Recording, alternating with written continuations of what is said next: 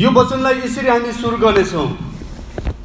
दाउद राजा चाहिँ राजा भएर आउनुभन्दा लगभग धेरै वर्ष अगाडि लगभग सय वर्ष अगाडि चाहिँ न्यायकर्ताहरूको समय र त्यो देशमा चाहिँ इजरायलमा चाहिँ ठुलो अनिकाल परेको थियो भनेर रुदको किताबले सुरुमै लेखेको छ।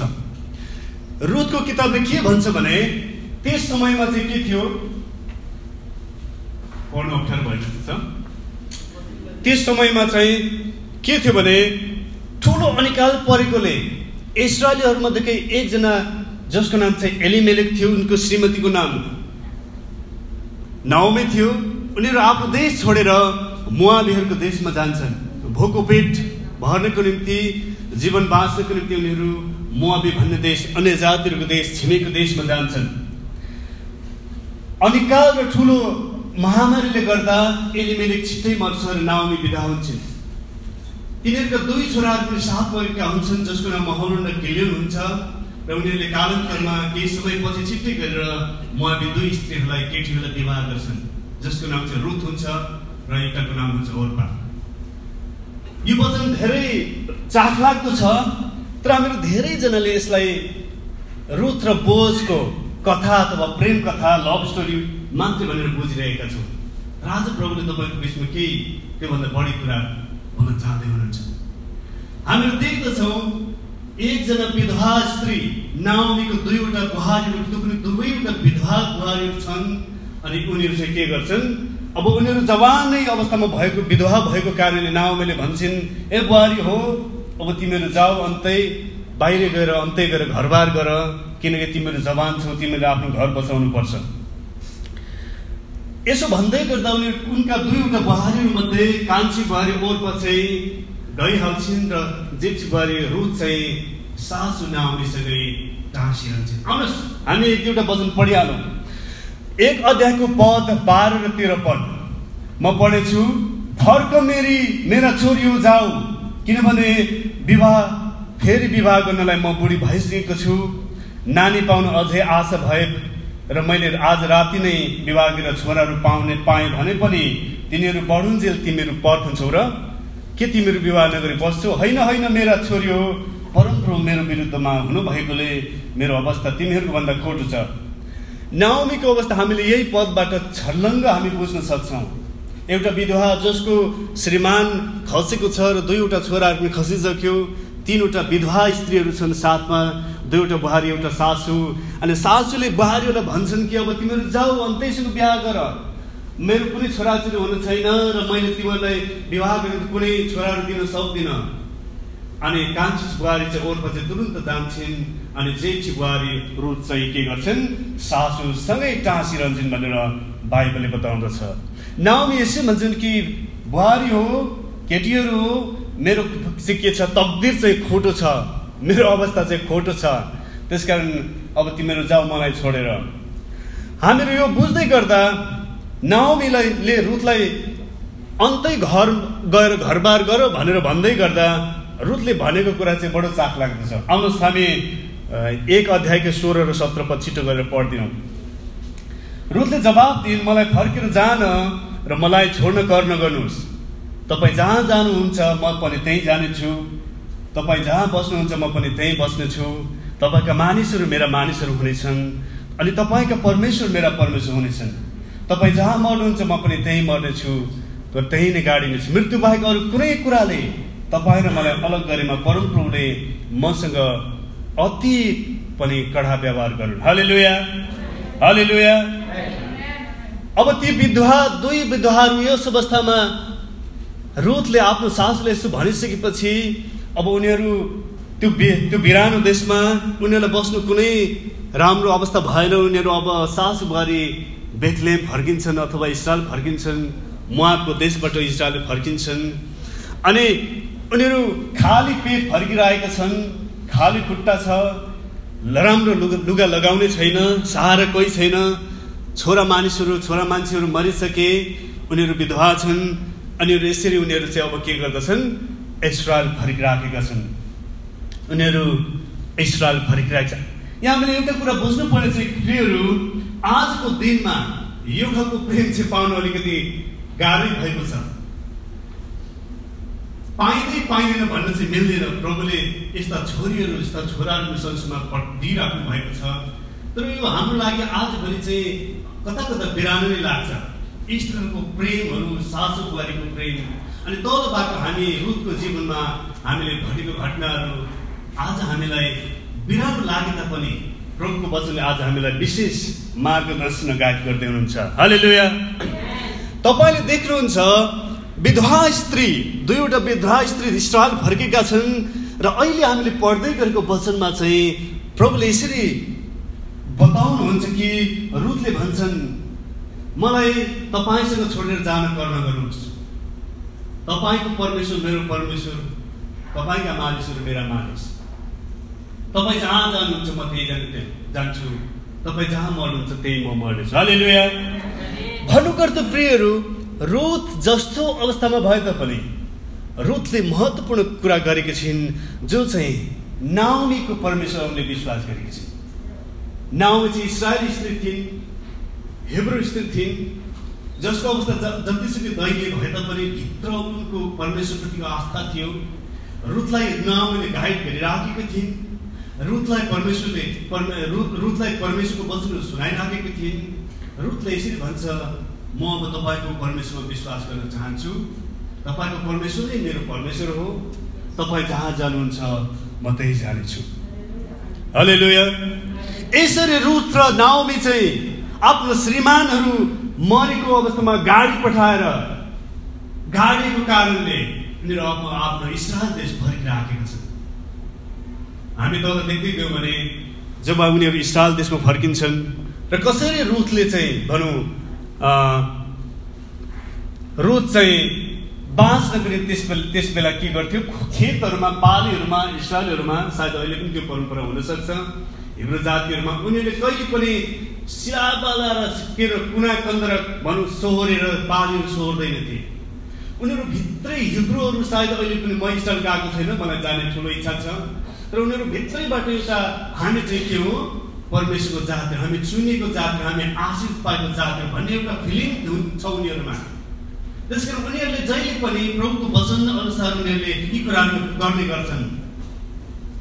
अनि उनीहरूले त्यो जमानामा पनि खेतका बालीहरूमा उनीहरूले निबिटान्न एक थुपा पनि नराखिनु उनीहरूले सोर्दैन थिए उनीहरूले राख्थे कि ठाउँ ठाउँ ठाउँ ठाउँ अलिअलि छोडिदिन्थे र यो त्यसको अर्थ चाहिँ गरिबहरू भएको ठाउँमा गरिबहरू आएर त्यो पाला टिपुन् र उनीहरूले खानु पाउन् प्रभुको वचनमा पनि किताबहरूमा गल्तीको किताबहरूमा किताबहरू त्यसकारण रुच चाहिँ अब के गर्दछ भोको पेट बाँच्नको निम्ति बिहान बेलुका छाक टाल्नको निम्ति खेतमा बाला टिप्न जान्छन् रुथ अब एक मुहाबी स्त्री के गर्दछन्? मुहाबी स्त्री अब इसरायलमा आएर के गर्दछन्? त्यहाँका खेतहरूमा उनी बाला टिप्न जान्छन्। तर हामीहरू यही देख्दछौँ कि रुथले चाहिँ बाला टिप्न जाने कुरामा चाहिँ कसको खेतमा रोजेका छन्? इसरायलीको खेतमा। इसरायलका खेतमा अनि त्यो खेतको मालिक चाहिँ हुन्छ गाउँको एकजना प्रतिष्ठित मालिक जसको नाम बोज हुन्छ। हामीहरू कतिजनालाई सबैलाई थाहा हुन्छ छ यो। अनि बोज चाहिँ समाजको एउटा प्रतिष्ठित मानिस धनी मानिस हुन्छन्। अनि त्यसपछिको घटना चाहिँ के भएछ भनेर हामीले सबैले थोर बहुत थाहा छ। तपाईँले गएर पढ्न सक्नुहुन्छ। कि रुथले अब आफ्नो बोजलाई यसपछिको घटनाहरू हेर्दै जाँदा चाहिँ कसरी आफ्नो मालिक आफ्नो स्वामी र आफ्नो पतिको रूपमा प्राप्त गरिन् भन्ने कुरा चाहिँ बडो चाख लाग्दछ। तर यहाँ हामीले विचार गर्नुपर्ने कुरा चाहिँ कि रुथले त प्राप्त गरिन्। त्यो प्राप्त गर्ने विधि त्यो तरिका चाहिँ हामीले बुझ्नु अति आवश्यक छ। अहिले संसारमा मानिसहरूले एकले अर्कोलाई प्राप्त गर्ने कुराहरू छ। स्वाभाविक हो मानिसहरूले मानिसहरू चाहन्छन् वस्तुहरू चाहन्छन् सामग्रीहरू चाहन्छन् प्रेममा मानिसहरू विश्वास गर्छन् र एक्लै अर्कोले चाहने कुरा परमेश्वरबाट आएको कुरा हो। तर घतलाग्दो कुरा चाहिँ हामीले बुझ्नुपर्ने छ कि यहाँ चाहिँ कसरी रूपले चाहिँ भोजलाई प्राप्त गरिन् भन्ने कुरा चाहिँ म तपाईँलाई आज केही कुराहरू बताउन चाहन्छु मैले तपाईँलाई अघि भने कि रुथ चाहिँ मुहाबी स्त्री थिइन् मुहाबी अन्य जातिहरू परमेश्वर विश्वास नगर्ने जाति तर तिनले ईश्वरको परमेश्वरमा विश्वास गरिन् नाउमीको परमेश्वरमा तिनले विश्वास गरिन् अनि साथै तिनी नाउमी सासु अभिभावकको के भयो गाइडेन्समा अभिभावकत्वमा अधीनतामा रहेर तिनले जीवनयापन गरे। सुनै भन्छन् रुखले मलाई तपाईँसँग छोडेर जानको कर्म गर्नुहोस्। म तपाईँको परमेश्वरमा विश्वास गर्नेछु। तपाईँ जहाँ जानुहुन्छ म तपाईँसँग जानेछु। म तपाईँको अधीनतामा भएर त विश्व काम गरेछु भने रहनेछु भनेर रुथले यसरी आफ्नो प्रतिज्ञा गरेकी छिन्। रुथ चाहिँ कसरी नाउमेको अधीनमा आए भने रहिन् रहिरहन्। र त्यसपछि परमेश्वरले रुथको जीवनबाट कसरी यस्ता ठुला काम गर्नुभयो भन्ने कुरा हामीले आज हामीले हेरिराखेका छौँ। जब तिनी तिनीहरू चाहिँ सालमा फर्किन् अनि इसरायलका गाउँहरूमा जसरी इसरायलमा आइन् रुथ नाउने अनि रुथको एउटा महत्त्वपूर्ण कुरा चाहिँ तपाईँलाई म भन्दैछु रुथको बारेमा सबैजनाले सुने। तपाईँ कति जानुहुन्छ भने तपाईँको विषयमा एक कान दोकान तिन कान चार कान हुँदै सबैले सुन्छ। तर त्यहाँ हामीले बुझ्नुपर्ने कुरा चाहिँ हाम्रो राम्रो पक्षकोले सुन्छन् नराम्रो पक्षकोले सुन्छन्। तर यहाँ महत्त्वपूर्ण कुरा के छ भने रुथको चाहिँ सबैले सुने गाउँको कुना कुनाका मानिसहरूले सुने रुथ चाहिँ के हो? एकदमै राम्रो केटी हो असल चरित्र भएको केटी हो यी चाहिँ के हो? एकदमै सबैले मन पराउन थाले रुथलाई। सबैले उसको गाई गुणगान गर्न थाले। अनि तपाईँले हामीले यो कुरा बुझ्नुपर्छ कि कसरी रुथमा चाहिँ यस्तो खालको कुरा भयो? रुथको बारेमा कसैले यसरी कस कसरी किन सबै मानिसले गुणगान गर्न थाले? भन्दा रुथले चाहिँ परमेश्वरमा विश्वास गरिन् नाउमीको परमेश्वरमा विश्वास गरिन् अनि नाउमीको परमेश्वरको अधीनतामा रहिन् अनि त्यसकारण उनमा यी चरित्रहरू आएको भनेर हामी बुझ्न सक्छौँ। एक दिन अभिभावक नाउनीको सरसल्लाहमा रुथ चाहिँ के गर्छन्? खलामा दाई गरेको ठाउँमा मरि मरि हामीहरू मङ्सिर पुसमा चाहिँ दाई गर्छौँ गाउँमा। तराईमा चाहिँ प्राय के भन्छ? मेसिनहरूले धानहरू छाड्छन्। पहाडमा चाहिँ नाङ्लोले हुर्काइन्छ दुईजना यताबाट होइन धान घाँटो नाङ्लोले हुर्कायो भने भुस चाहिँ के गर्यो? उडाइ पठायो यस्तै अवस्था इजरायलमा पनि थियो। यो त्यहीबाट हामीले सिक्दै आएको कुरा हो।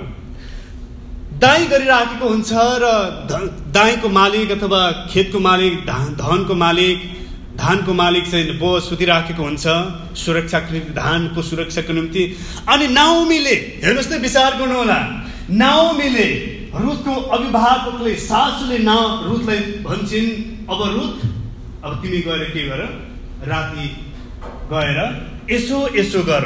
सल्लाह दिन्छन्। एक दिन बो सुतिराखेको हुन्छ दाई गरिराखेको बेला राति अनि चाहिँ रुथ चाहिँ गएर मध्यरातमा तिनको नजिक जान्छन्।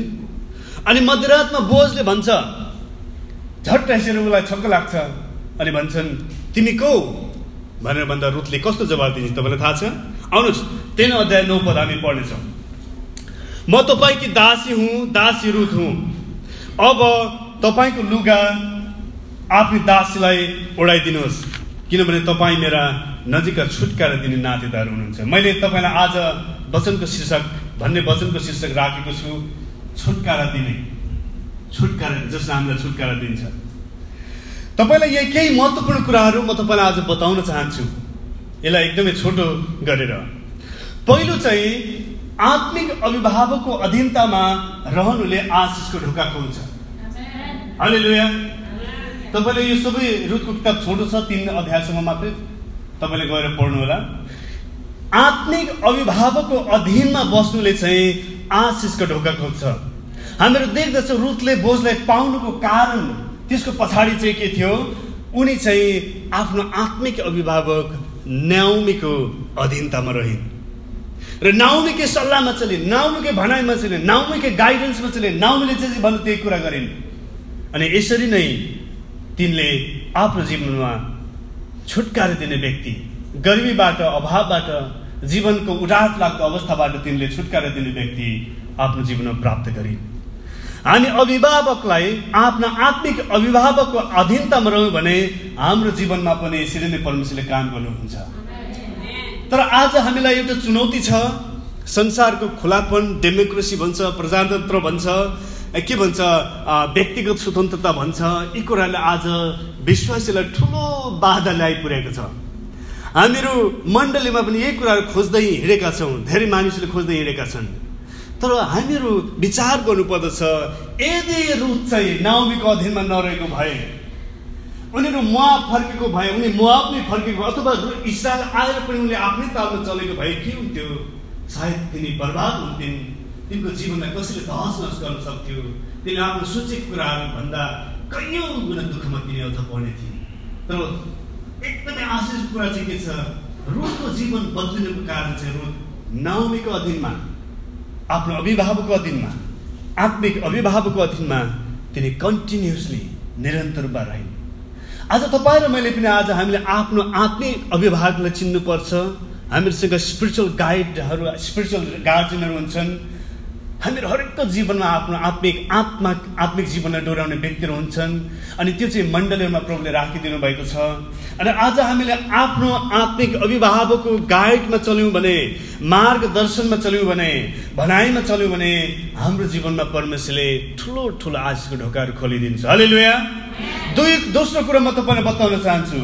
तपाईँको सुरक्षा परमेश्वरका मानिसहरू अथवा आत्मिक मानिसहरूको बिच र मण्डलीमा मात्र छ। तपाईँ हाम्रो सुरक्षा चाहिँ पहिलो हाम्रो आत्मिक अभिभावकसँग छ। दोस्रो हाम्रो मण्डलीमा छ। हाम्रो हामी हामी परमेश्वरका मानिसहरूको बिचमा रह्यौँ भने मात्रै हामी सुरक्षा पाउँछौँ। हामी मण्डलीका मानिसहरू हामी सङ्गति गऱ्यौँ हामीहरू बोलचाल गरौँ भेटघाट गरौँ कुराकानी गरौँ हाम्रो भनौँ सङ्गति बाहेकको समय पनि हामी सम्पर्कमा रह्यौँ भने हाम्रो भौतिक जीवन कठिनाइ नपरे तापनि हाम्रो आत्मिक जीवनमा जुन कठिनाइ पर्न जान्छ त्यो कुराबाट हामीले के गर्छौँ? हामी सुरक्षित हुन्छौँ। त्यसै कारण मण्डलीले विश्वासीहरूमा अगुवाहरूले सधैँ प्रार्थना गर वचन पढ भनेर यसरी भनिराखेको हुन्छ। कतिपल्ट हामीलाई चाहिँ झर्को लाग्छ किन हामी जानेकै हामी गरेकै छ वचन पढेकै छु? कति भनिराखेको होला भन्ने मान्छेहरू मैले देखेको छु र सुनेको छु। मलाई नै भन्ने मानिसहरू पनि छन्। विगतका दस बाह्र वर्षहरूदेखि दुबईमा मैले मानिसहरूलाई डोरा राखेको छु।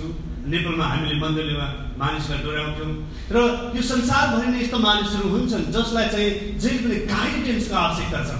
तर हामीले मण्डलीको अभिभावकको नाताले आत्मिक अभिभावकको नाताले हामीले यो चिन्नु पर्दछ यदि हामीले हाम्रा मानिसहरूलाई यो कुरा भनेनौँ भने के गर्दछन्? हाम्रो मानिसको जीवन खतरामा छ। आत्मिक जीवन खतरा त्यसकारण प्रभुले हामीलाई के गर्नुहुन्छ? हामीले कुराहरू मण्डली मार्फत कुराहरू बताइराख्नुहुन्छ। हाम्रो सुरक्षा चाहिँ हाम्रो मानिसहरूको बिचमा आफ्नै मानिसहरू आत्मिक मानिसहरू परमेश्वरका जन जनहरूको बिचमा मात्र छ। त्यसकारण तपाईँ हामी कहिले पनि हाम्रो मानिसहरूसँग आत्मिक जनहरूसँग टाढा रहने कोसिस नगर्नु नगरौँ। तपाईँलाई चित्त दुख्न सक्छ। तपाईँलाई मन नपर्न सक्छ। तपाईँलाई भनेको अनुसार नहुन सक्छ। तर तपाईँको सुरक्षा चाहिँ मण्डलीमै छ। तपाईँ हाम्रो सुरक्षा चाहिँ हाम्रो आत्मिक जनहरूको बिचमा मात्र छ। त्यसकारण हामीले यो कुरा मनमा गर्नुपर्छ। जसरी रुद चाहिँ यदि नाउमीलाई छोडेर गएको भए उनको जीवन के हुन सक्थ्यो। हामी अहिले नै कल्पना गर्न सक्छौँ। मुवाबी स्त्री अन्य जाति स्त्री इसरायलमा आएको छ। इसरायलीहरू उसले राम्रो दृष्टिकोणले देख्दैन। अथवा त्यहाँका छिमेकीहरूले उसलाई राम्रो दृष्टिकोणले देख्दैन। त्यसमा पनि उनले इसरायलमा थुप्रै मानिसहरू छन्। इसरायलमा आत्मिक मानिसहरू पनि छन् अनात्मिक मानिसहरू पनि छन्। हिब्रोहरूमा पनि आत्मिकहरू पनि छन् अनात्मिकहरू पनि छन्। तर तिनले कसको खला रोजिन् कसको खेत रोजिन् एउटा आत्मिक व्यक्तिको बोझको घरानामा बोझको खला बोझकै खेतमा तिनले रोप्यो त्यस कारण तिनको सुरक्षा भयो तर यसको पछाडि फेरि म पहिलाको पोइन्ट जोड्न चाहन्छु। त्यहाँ जानु यहाँ गएर भाषिलाबाट टिप्नु भन्ने कुरा चाहिँ मैले भनेको त्यस कारण हाम्रो आत्मिक अभिभावक र हाम्रो परमेश्वरको जनहरू हामीहरू एक आपसमा हामी कति महत्त्वपूर्ण छौँ भन्ने कुरा हामीले कुरा बुझिराखेका छौँ। दोस्रो कुरा चाहिँ यदि नाउमीको भनाइअनुसार नाउमीसँग नरहेर तिनी माउ मुहा फर्केको भए आफ्नै तालमा चलेको भए तिनी बर्बाद हुन सक्थिन् अघि मैले भनिहालेँ। तर नाउमीसँग टाँसिरहेको कारणले इजरायलको परमेश्वरलाई विश्वास गरिरहेको कारणले रुथको जीवन बदल्यो। आज रुथ हामीहरू सबैको जीवनमा एउटा ठुलो आशिषको आमा बनेकी छिन्।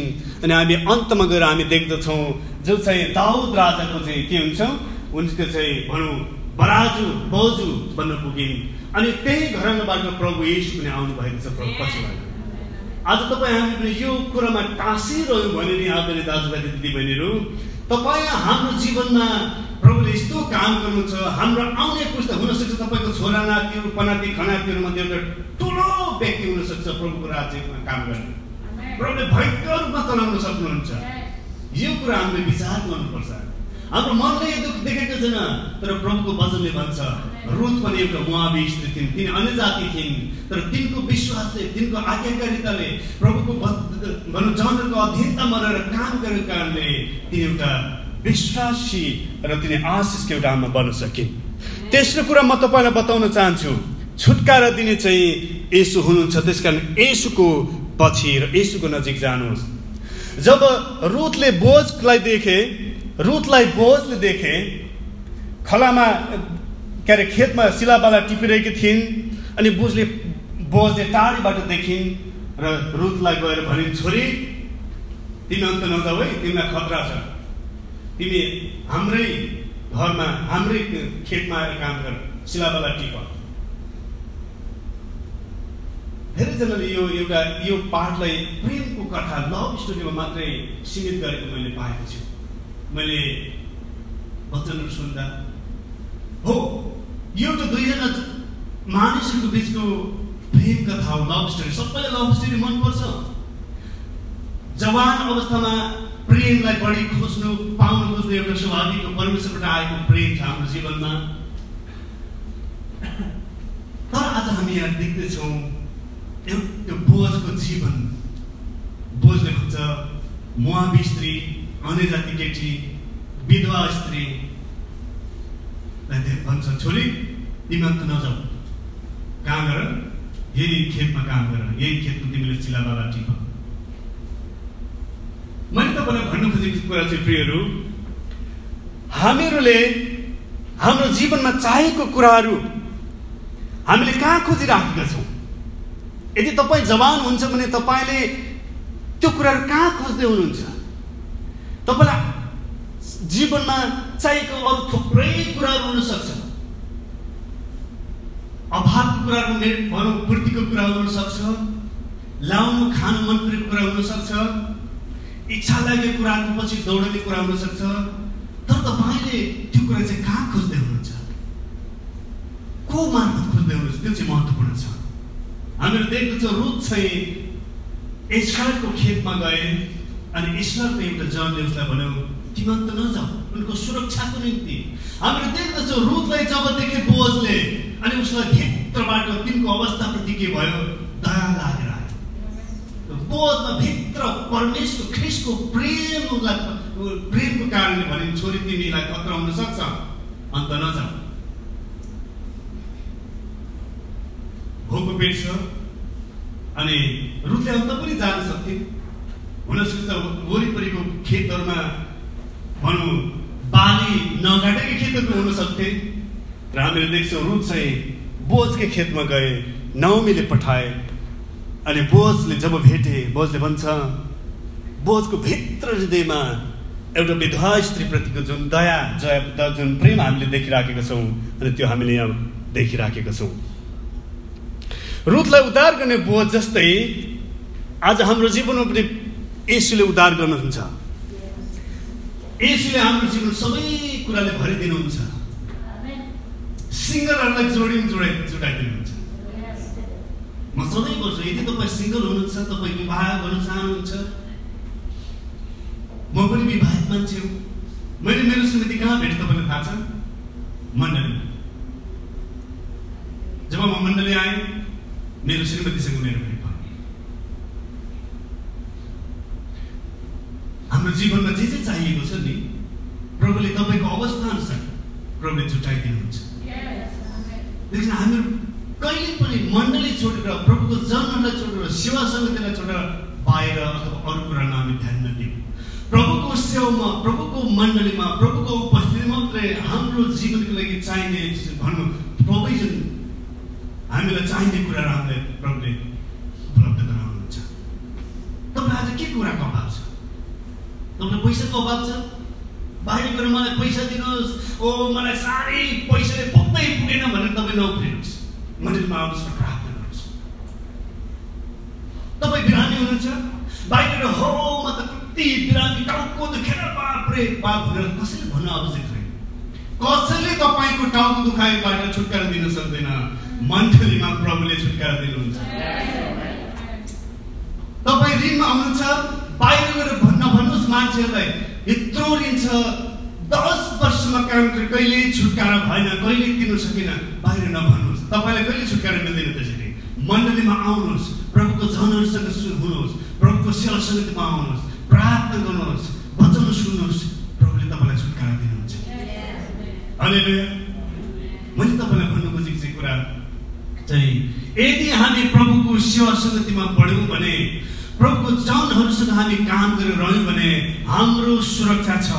प्रभुको जनहरूको अधीन प्रभुको अधीनतामा प्रभुको वचनको अधीनतामा हामी रह्यौँ भने चाहिँ हाम्रो के छ? नम्बर एक हाम्रो सुरक्षा छ। हाम्रो आशा चाहिँ त्यही छ। हामीलाई छुटकारा दिने चाहिँ अरू कोही हुन्न प्रियहरू प्रभु यीशु हुनुहुन्छ। हाम्रो अवस्थाहरू जति सुकै भए तापनि तपाईँले याद गर्नुहोस् प्रियहरू कि बोझ र रुखको यो एउटा प्रेम कथा मात्र होइन। यो चाहिँ एउटा विधवालाई एउटा गरिबमा जीवन डुब भनौँ डुबेकी एउटी स्त्रीहरूलाई स्त्रीहरूलाई उनीहरूको गरिबी उनीहरूको अभाव उनीहरूको भित्र हृदयको चोटलाई उद्धार गर्ने भनौँ चङ्गाई गर्ने प्रभुको प्रभुको रूपमा बोझ प्रकट भए आज तपाईँको जीवनमा पनि प्रभु यसरी प्रकट हुनुभएको छ। तपाईँ हामी सबैले प्रभुलाई ग्रहण गरेका छौँ।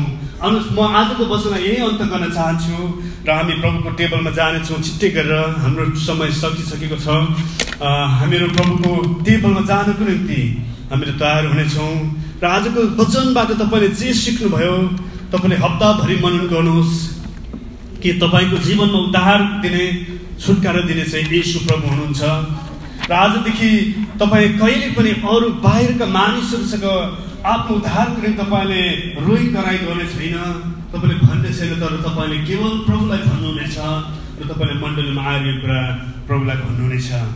हामीले सबै प्रभुको वचनमा हामीले आशिष पाएको छौँ भन्ने कुरामा म विश्वास आउनुहोस् हामी सबैजना उठ्नेछौँ। हामीहरू आफूले आफूलाई तयार पारौँ।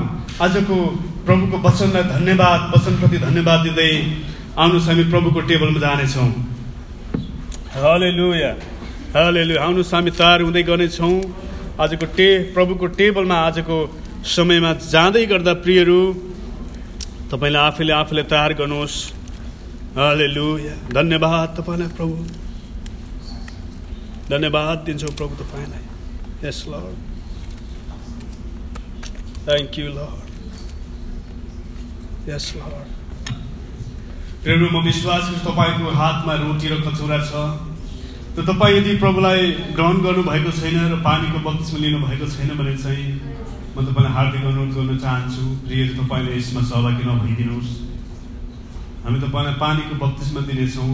र त्यसपछि तपाईँलाई हामी स्वागत गर्नेछौँ। धन्यवाद दिन्छौँ प्रभु तपाईँलाई आफ्नो साँच्चीकै प्राण आत्मा शरीर हाम्रो निम्ति तपाईँलाई अर्पण गर्नुभयो। प्रभुको वचनले भन्छ जुन रात प्रभु यसो धोकामा पर्नुभयो अर्थात् उहाँ पक्रि पक्राउ पर्नुभयो त्यो रात प्रभुले रोटी लिनुभयो।